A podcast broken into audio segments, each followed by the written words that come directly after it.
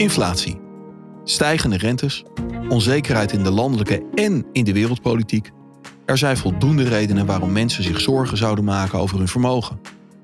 Maar toch, je vermogen is er voor jou. Jij niet voor je vermogen, zei eens een cliënt van Providence Capital. Vandaag spreek ik met Ivo Jenniskens, partner bij het Multifamily Office uit Hussel. Welkom bij Serieus Vermogen, de podcast van Providence Capital. Mijn naam is Karel Zwaan. Ivo, uh, welkom. Dank je, Karel. Leuk om hier te zijn. Uh, ja, ik zei het al in de inleiding. Uh, voldoende onzekerheid in de markt. Ehm, tegelijkertijd zie ik dat de banken de spaarrentes verhogen. Zie ik allerlei deposito's in de markt gezet worden. Ik kan me voorstellen dat mensen massaal hun geld weer op de spaarrekening zetten. klopt dat? Klopt dat bij jullie ook? Mm, nou ja, we hebben onze laatste nieuwsbrief die, van onze CEO, Wouter Wijhand. Ja. Die had inderdaad als titel Cash is King. Ja. Um, en nou, in die zin klopt dat, uh, klopt dat natuurlijk ook wel. De rentes zijn echt fors uh, opgelopen. Europa van min een half naar nu uh, plus 3,5. Dus dat is ja. 4% stijging. Ja, dat maakt de cash natuurlijk absoluut aantrekkelijker. Er is alleen één probleempje. En dat is namelijk dat de banken, die geven jou die marktrente nog niet. als jij nu je geld op je spaarrekening zet, ja, dan nou, krijg je misschien 1%. En ja, voor de bank is dat een heel goed businessmodel. dat is namelijk 1% aan jou geven en het bij de ECB neerzetten en 3,5% krijgen. Ja. Maar voor jouzelf is dat natuurlijk iets minder eh, aantrekkelijk. Nou ja, een procent is toch een procent, toch? Ja, maar hè, wat, wat wij doen en wat we dus eh, voor onze cliënten kunnen realiseren, is wel gewoon die 3,5% uh, maken. Door kortlopende staatsobligaties te kopen. Oh, ja, ja. Daar krijg je gewoon de marktrente, die 3,5%. Um, ehm, je kan ze dagelijks verkopen. Dus als je aan je spaargeld wil komen, hè, kan dat ook. Ja. Um, ja, en er komt natuurlijk ook nog bij, hè, uiteindelijk heb, loop je minder risico, want het bankenrisico is eruit. Je hebt een staatsobligatie van de Nederlandse of Duitse overheid. Dus uh, ja, dat, maar het gaat natuurlijk met name om dat renteverschil, wat natuurlijk gewoon zonde is om te laten liggen. Ja. En je ziet gewoon dat heel veel spaarders, of zeer vermogende spaarders, gewoon nog tonnen of miljoenen gewoon op een, op een spaarrekening hebben staan. Ja. En daarmee dus eigenlijk uh, ja, heel veel geld laten liggen. Nou las ik ook uh, in, in die, die maandberichten van, van, van Wouter natuurlijk ook een hoop over, over inflatie. Is dat ook nog een reden om, om niet dat sparen te doen en omdat, omdat misschien die inflatie harder gaat? Of, of zeg je van nou, daar kijken we eigenlijk niet naar? Nou, inflatie kijken we zeker naar. Dat is natuurlijk heel belangrijk samen met die, met die renteontwikkeling. Um, en het is natuurlijk zo dat uh, ja, de rente is reëel. Dus hè, als je inflatie ervan aftrekt, is die nog steeds negatief. Ja. Dus hè, je, je, je kan 1% rente krijgen en inflatie is 2, dan verlies je 1. Ja, nu krijg je dan 3,5, maar is de inflatie 6, dan verlies je natuurlijk nog steeds 2,5. Ja, ja, want, want dus, hoe kijken jullie naar inflatie? Want ik neem aan dat jullie ja, daar een soort scenario's voor maken van, van, van welke kant het op gaat. Um, ja, nou ja, de trend uh, voor inflatie is nu duidelijk naar beneden. Ja. En dat is op zich ook logisch. We hebben natuurlijk gezien dat uh, energieprijzen door het dak zijn gegaan. En die uh, dalen nu weer. transport voor containervervoer ja. heeft sky high gestaan. Is nu weer terug naar ja, pre-corona levels, zou ik maar zeggen. Dus daar zie je eigenlijk juist een neerwaartse prijsdruk. En omdat uh, inflatie is een rollend cijfer, zoals ze zeggen. Dus ze kijken over de afgelopen twaalf maanden. Ja, en op een gegeven moment gaat die gasprijs van 350 daalt die weer naar 20. Ja, dat is nogal een prijsdaling en geen stijging meer. Ja. Dus je ziet dat de inflatie waar dat soort cijfers in zitten, dat wordt de headline inflatie genoemd, waar dus ook energieprijzen in zitten. Die zien we nu heel hard dalen. We zaten op, eh, ik geloof in Nederland tot de piek ergens op 17 procent, year on year. Nou ja, en dat is nu eh, dat is natuurlijk fors gedaald. Er zijn dan ook andere inflatiecijfers. En dat is de core inflatie, waar energie en voeding uitgehaald zijn. Ja, en die uh, wil nog maar niet echt dalen. En ja, dat komt omdat er nu toch langzaam maar zeker toch ook wel een serieuze loonprijsspiraal is ingezet. Ja. ja, waarbij prijsstijgingen of loonstijgingen van 10% geen uitzondering meer zijn. Uh, er worden ook loonstijgingen gegeven van meer dan 10%. Ja, en die gaan omhoog en die gaan bijna nooit meer terug. Nee, die gaan nooit, die gaan nooit meer terug. dus, en wat zouden jullie nou toch... Ja, sorry, ik blijf nog even hangen op dat sparen. Want ik, ik vind het altijd zo heerlijk. Hè? De spaarbank, weet je, dat soort, eh, dat soort oude, ouderwets gedoe. Um, wat zou, vanaf wanneer denk je dat moet dan die inflatie helemaal weg zijn? Of moet, moet gewoon die, die, denk je dat die spaarrente ook op enig moment door het dak gaan? Hebben, hebben jullie daarover nagedacht? Nee, kijk, sparen is voor ons zeg maar eh, niet echt een, een, een lange termijn asset class. Dus als je lange termijn belegt, ja. Eh, moet je vooral bij wijze van spreken zo min mogelijk spaargeld of kortlopende obligaties hebben. Ja. Want op de lange termijn leveren ze gewoon heel weinig op. Ja. Het probleem daarbij is alleen, ja, heel veel mensen willen ook in de nabije toekomst grote uitgaven doen. Ja. of hebben überhaupt maandelijks, hè, willen ze cashflow uit hun, uit hun vermogen halen. Dus ja, daarvoor heb je dan spaargeld als een soort smeermiddel nodig. Ja. Ehm, daarnaast kan je tactisch inzetten. Hè. Kan je zeggen, ja, ik verwacht nu, die, die aandelenkoers zijn wel zo opgelopen. Of de rente is nu uh, nou ja, negatief of nul. Ja, drie keer nul is nog steeds nul. nul Dus uh, ik, ga er iets, ik ga er iets anders uh, mee doen. Nou, en en als je, als je op, dan meer op de korte termijn bekijkt, kan je zeggen, nou ja, misschien is nu hè, die 3,5% rente wel interessant. Als de rente namelijk verder oploopt nog, hè, wat wij nou, toch nog wel denken dat hij nog ietsje verder op kan lopen en waarschijnlijk ook iets langer wat hoger blijft, ja, is het nog te vroeg om naar die langlopende staatsobligaties te gaan. Ja. En dat zal ook een headwind voor aandelen zijn. Ja, zeker. Ja. En, maar obligaties zei je net. Hè? Dus, dus kijk, want op het moment dat jij zegt van nou, je moet niet sparen, dan denk ik, nou ja, dan uh, waar moet ik dan naartoe met mijn geld? Uh, maar dan zeg je dus, eh, obligaties is dan, staatsobligaties. zijn natuurlijk heel veel soorten obligaties. Heb je daar nog smaken in waar je met mensen over praat, met, jou, met, met jouw cliënten? Nou ja, de, wat ik net noemde, die kortlopende Duitse en Nederlandse staatsobligaties, zien we eigenlijk niet als obligatie. Nee. En dat is gewoon cash. En Ja. dat is gewoon alternatief voor cash. En die lopen minder dan een half jaar, kan je dagelijks verkopen. En dat dat Ja. is gewoon eigenlijk je spaargeld. Ja. Alleen dan toevallig in obligatie belegd. Ehm, kijken we dan naar obligaties als, als asset class. Nou, Mhm. dan heb je natuurlijk inderdaad de staatsobligaties. Nou, die langlopende eh, vinden we nog steeds eh, absoluut niet interessant. Nee. Omdat we verwachten dat juist die lange rente nog wel wat eh, op kan lopen. Nou, dan ga je daar geld op verliezen. Ehm, kijk je naar bedrijfsobligaties. Nou, dan wordt het al wat interessanter, want dan krijg je een risicopremie voor dat bedrijf. Ligt dus je, ja, je, je onderlaag ligt dus wat hoger. Als er iets van rentestijging komt, heb je een wat meer grotere buffer om dat, eh, om dat op te vangen. Maar ook daar blijven we echt nog op korte looptijd. Ja. Nou, en hoe verder je dan eigenlijk dat risicospectrum opzoekt. En dus obligaties eh, gaat kopen van ja, minder solide bedrijven. Dat wordt Ja. high yield obligaties Ja. eh, genoemd. Of obligaties opkomende landen. Ja, dan zie je dat die rentevergoeding dusdanig toeneemt. Omdat zowel die eh, risicovrije voet is opgelopen. Ja. Van min een half naar, naar 3,5. In Amerika nu zelfs naar, naar meer dan 5. Ja. Eh, maar ook de risicopremie die die bedrijven moeten betalen is ook nog eens een keer opgelopen. Dus je hebt daar twee facetten die bij elkaar opgestapeld worden. Ja, en dat zorgt nu voor, voor yields van eh, nou, tot eh 10% Ik stel me zo voor, hè, kijk, heel veel, jullie hebben, jullie hebben eh, vermogende klanten. Uh, Performance Capital is natuurlijk, eh, ja, laten we zeggen, de overtreffende trap van een private bank. Hè, dus, dus mensen met, met, met ja, miljoenen. Ehm, hoe, gaan dit soort, hoe gaan dit soort gesprekken daar dan over? Want ja, jij weet alles van eh, eh, rendement, risico. Maar zo iemand heeft misschien een bedrijf verkocht in, nou ja, weet ik veel wat. Ehm, hoe, hoe adviseer je daar iemand dan in? Ja, dat is het, eh, het mooie van, van ons. We adviseren niet. Oké, Dus eh, eh, wij, wij doen gewoon. Ja. En dat klinkt makkelijker dan gezegd. Maar eh, het wat het inhoudt is, hè, we hebben een vrije hand beheer een Mhm. contract. En dat betekent dat als wij besluiten eh, langer of kortlopende obligaties te kopen... of minder risicovolle of risicovollere, eh, dan doen wij dat. Ja. Zonder vooraf overleg met Ja. onze cliënten. Eh, maar natuurlijk leggen wij daar dan op kwartaalbasis... of hoe frequent je dan ook afspraken hebt met de cliënt... leg je daar verantwoording af en leg je natuurlijk wel uit... wat je gedaan hebt, waarom je het hebt... hoe je tegen de toekomst aankijkt. Dus daar nemen we de cliënt wel mee eh, aan de hand. Ja. Maar eh, in de uitvoering speelt de cliënt geen enkele rol. En ja, en, eh, sommige mensen vinden dat soms lastig. Ja. Maar eh, het is praktisch ook, ook niet te doen. We hebben niet heel veel cliënten. We hebben er denk ik eh, nou, iets van 100. Ja. Maar ja, ga maar eens 100 mensen bellen die allemaal druk Ja. zijn. En Ja. dat is niet, dan, dan kan, je, kan je gewoon je beleid niet uitvoeren. Nee, want ik, ik zag ook op de website, eh, daar, daar, daar, daar stellen jullie van dat je niet gelooft in ehm, eh, standaard eh, profielen, eh, dat soort dingen. Hè. Wat, wat, je, wat je natuurlijk bij private banks eerder ziet, is dat er gewoon een aantal profielen zijn van waar mensen, waar mensen in eh, kunnen. Kun, kun, je daar eens op, kun je dat eens op toelichten? Is dat toch niet dat je zegt van nou, we hebben wel standaard profielen? eh, eh, of, of maak je echt op maat voor iedere cliënt een, eh, een, een, ja, een soort, soort, soort portefeuille? Nou, ja, het is natuurlijk eh, a bit of both. Ja. We maken echt voor iedere cliënt op maat een portefeuille.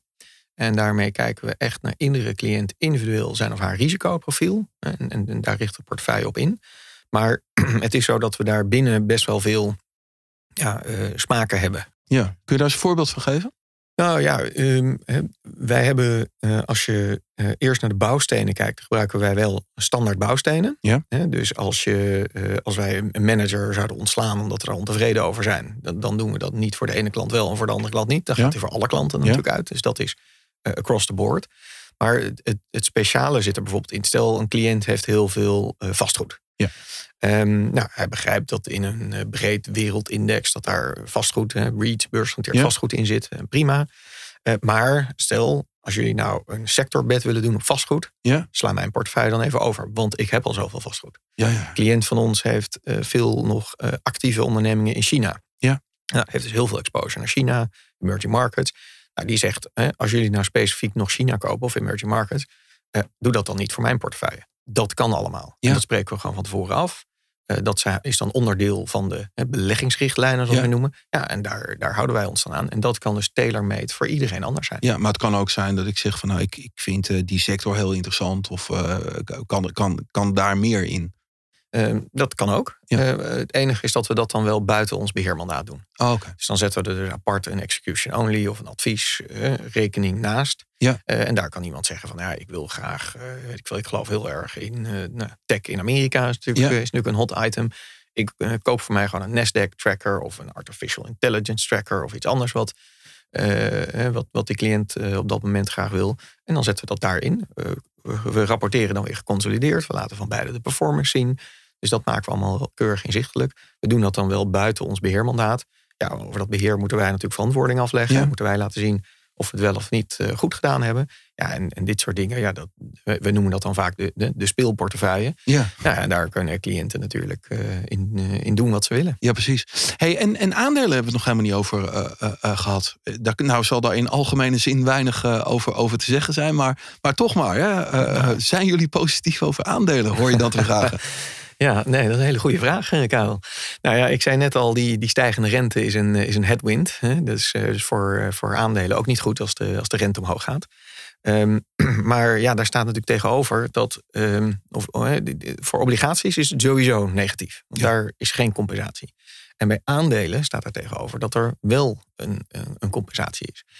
Veel bedrijven, en dat zien we ook, ehm, ja, verhogen hun prijzen. En kunnen dus die inflatie nou, gedeeltelijk of geheel, en sommige bedrijven zelfs meer dan, eh, compenseren in prijsverhogingen. Ja. En eh, ja, dan is die stijgende rente niet goed eh, voor aandelen. Ehm, maar ja, dan zie je dat er een aantal bedrijven toch heel goed in staat zijn om, om die hogere kosten door te berekenen. Ja, en daardoor uiteindelijk, ondanks die stijgende rente en stijgende inflatie, ja, toch nog een goed rendement, rendement te behalen. Ja, en dan begrijp ik ook dat jullie eh, eerder op eh, passief zitten dan op, eh, op, op actieve fondsen. Is dat puur voor kosten? Of Ehm, nou, dat is natuurlijk de eerste, eerste reden. Passief, gewoon een index tracker is natuurlijk spotgoedkoop. Eh, en actief is natuurlijk heel duur. Ja. Dus daar, daar zit natuurlijk nogal wat tussen. maar volg je dan niet gewoon de markt? Ik bedoel dan. Ja, dan volg je gewoon de markt. Dus dat is heel boring. Maar wat, eh, wat, wat onze beleggingsfilosofie is eigenlijk, de eerste stap is eigenlijk passief tenzij. We kopen gewoon een index tracker als we denken dat we daarmee die exposure kunnen krijgen die we willen. Dus eh, ja, je volgt gewoon de index. Het is heel spotgoedkoop, maar eh, het, het, het doet wat het moet doen. En wat je ook kan doen, en wat we ook doen, is dat je actief beleid kan uitvoeren met passieve instrumenten. Maar leg eens uit. Nou ja, je hebt bijvoorbeeld een, een idee dat een bepaalde sector uit bed is gevallen. En heel, he- he- dat, ze- dat zeggen, nou dat is nu echt een mooie opportunity om te kopen.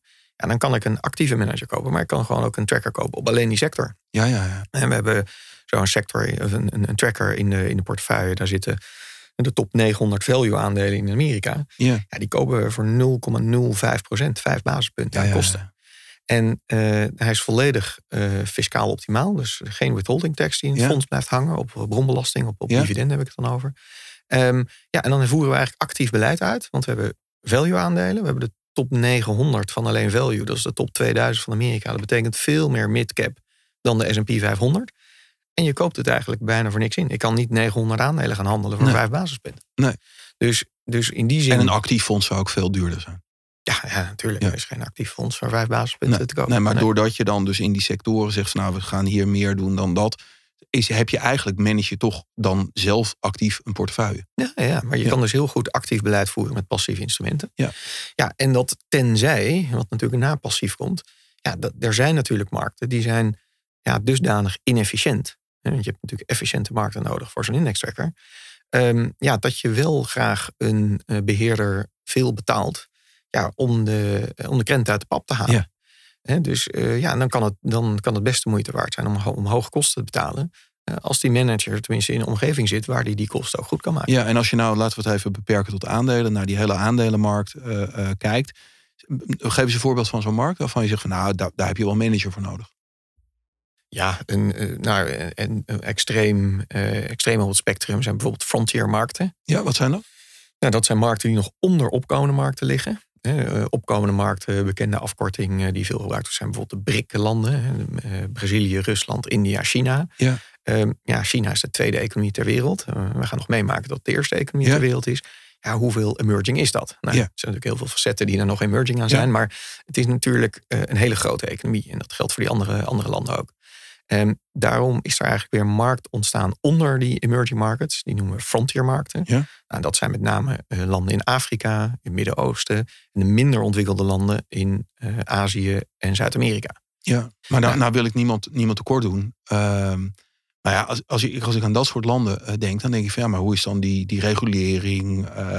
Wordt, ja, hoe, solide zijn, hoe solide zijn die bedrijven? Ja, dat is soms dramatisch. Ik begon, ik begon met sparen. Ja. we ja, zitten nu nog in een hele andere hoek. Ja, ja, precies. Ja. Nee, maar hoe, hoe, ja, hoe, hoe zorg je ervoor dat dat, dat, dat want solide is? Ik bedoel, het is niet... Ja.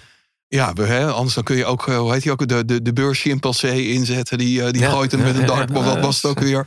En kijken of hij omhoog of omlaag gaat. Ik neem aan dat er wel een soort solide basis onder zit. Uh, hoe, hoe je dat doet. Ja, natuurlijk. Maar nou ja, met alle beleggingen is de garantie tot aan de deur van deze studio. Ja. En uh, dat geldt uh, voor dit soort markten natuurlijk nog veel meer. Het is Ja. natuurlijk echt, echt risicovol. de landen zelf zijn, zijn soms onbetrouwbaar. Ja. Het beleid daarin. soms Ja. worden er gewoon capital constraints opgelegd. En zou je, als je je aandelen al kan verkopen, het geld helemaal überhaupt niet meer naar een land kunnen krijgen. Nee. Bijvoorbeeld. Um, nou, daar zitten natuurlijk, als je dan naar de bedrijven zelf kijkt, nou ja, daar zit natuurlijk ook uh, veel uh, rijp, maar ook heel veel groen uh, Ja. tussen. governance issues zijn natuurlijk heel veel in die landen. Um, dus nee, het is echt veel hoger risico dan beleggen in, in de ontwikkelde, ontwikkelde markt. Maar dus ook een veel hoger rendement. Nou, er zit een hoger rendement tegenover. Maar dat is ook waar ik net begon. Dat is dus natuurlijk ook waar de toegevoegde waarde van zo'n manager om de hoek komt kijken. Want om daar een index te kopen, ja, dan koop je zulke rijp en groen door elkaar. Ja. Door een manager te betalen, ja, die moet dan wel in het vliegtuig. En die moet dan naar die landen toe. Die moet die bedrijven gaan bezoeken.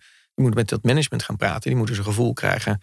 Hè, hoe, hoe goed is dit management? En ja, je kan een balans lezen. En daar staan uh, 30 vrachtauto's op bij een transportbedrijf. Ja. Maar als je dan daar staat, zie je of dat 30 fonkelnieuwe vrachtauto's zijn. Of dat de helft geen wielen heeft. Ja. En dus, dus daar heeft het echt de toegevoegde waarde om dat, om dat huiswerk te doen. Ja. Ja, ja dat, dat kost natuurlijk veel geld. Maar dan Ja. zie je dus ook wel dat, dat die mensen in de omgeving zitten... door dat soort bedrijven dan niet te kopen, waar het niet goed zit. En de, en de anderen wel.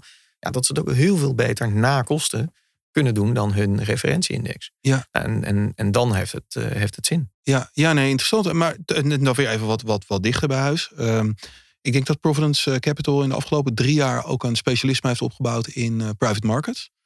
Ehm, dat, is, dat is iets waar, waar jullie, ehm, ja, hoe zeg je dat? Eh, eh, ja, toch, toch, toch wel je footprint in vergroot hebben in de afgelopen jaren.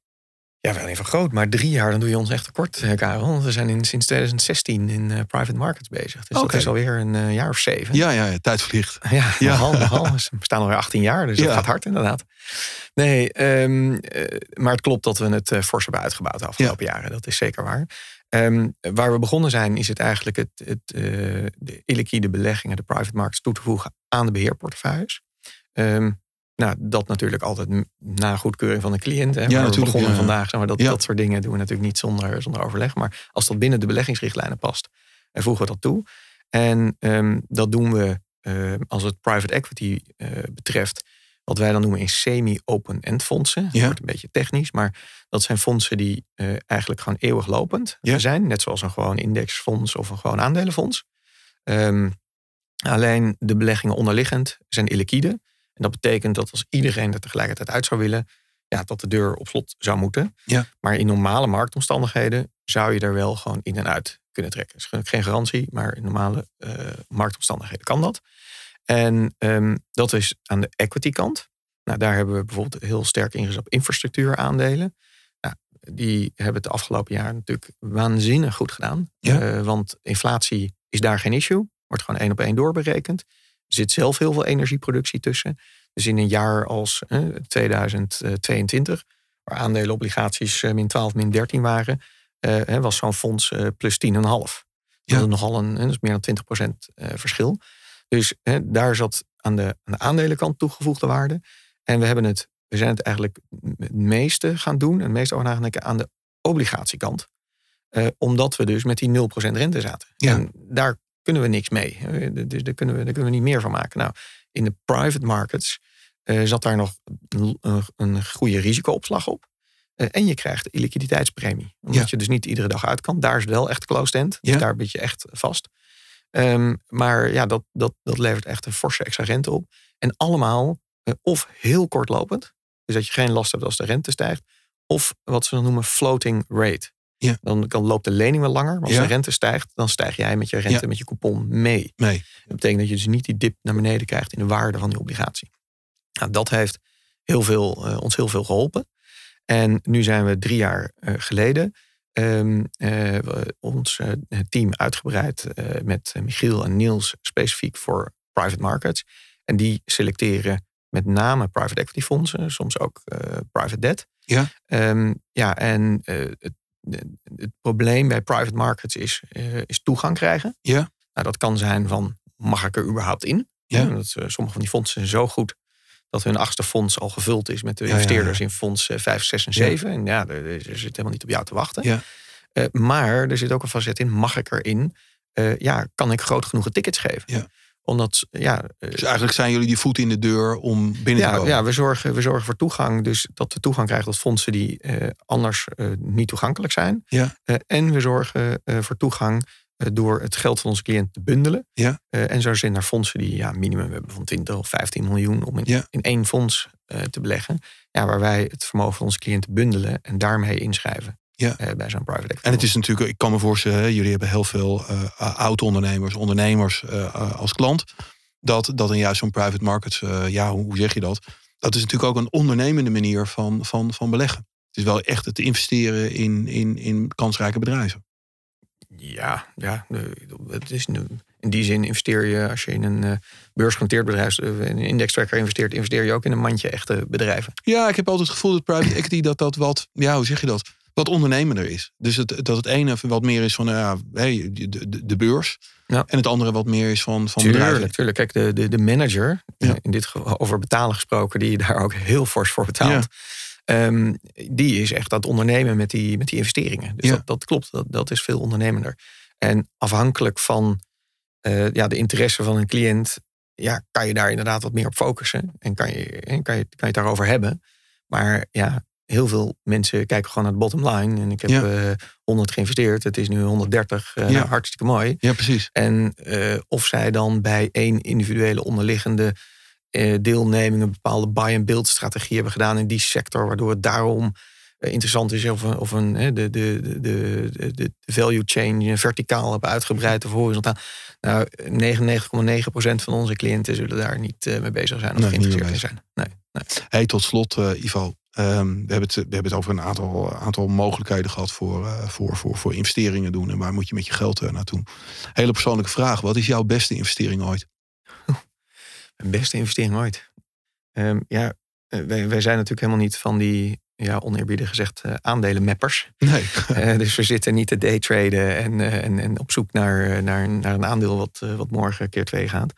Um, dus dat is met, ja, met die brede mandjes allemaal wat, wat saaier. Nou ja, ik denk een, we hebben een, een, een sectorpad gedaan. Um, en die hebben, die hebben we toen iets te vroeg gekocht. En hebben daarna nog ietsje bijgekocht naar beneden toe. Hè. Dus Ja, ja, timing ja, eh, kan het niet helemaal goed hebben. Maar uiteindelijk daar dus wel een jaar, anderhalf jaar later met 100% rendement weer uitgestapt. Ja. ja dat zijn Kun je zeggen wat voor soort beleggingen dat, dat Dit, dit waren uh, mining stocks. Oh, oké. Okay, dus, aandelen van mining, uh, mijnbedrijven. Um, maar ehm, ja, dat is dan, dat is natuurlijk leuk, zo'n ritje. Maar ik, ik, ik dat, dat, denk dat dat een eind komt. Ja, als ik voor mezelf kijk, ja, ik denk misschien mijn huis in Amsterdam, vastgoed Amsterdam, is, heeft, heeft hoog gerendeerd. Ik denk sinds dat ik erin zit nog niet eens zo heel veel meer dan aandelen. Uh, het is alleen zo dat je, het, uh, dat je daarvoor wel uh, geld mag lenen bij de bank. Ja. Dus ja, als je je eerste huis 100% financiert en je hebt nu heel veel overwaarde op je derde huis, ja, dan is dat toch ja, oneindige procentuele rendementen. Dus in die zin is dat een hele goede belegging. Um, maar ja, nee, dat. nee, maar bovendien dus, niveau een huis in Amsterdam, wie wil dat nou niet? Hey, hartstikke bedankt. En um, ja, u bedankt voor het luisteren. Serieus Vermogen is de podcast van Providence Capital. En natuurlijk is niets bedoeld als advies of, of als wat u, wat u moet doen. Um, en het is een gesprek voor geïnteresseerden in de wereld van serieus vermogen. En mocht u zo'n gesprek vaker willen horen, abonneer u dan op deze podcast. En een abonnement is helemaal gratis.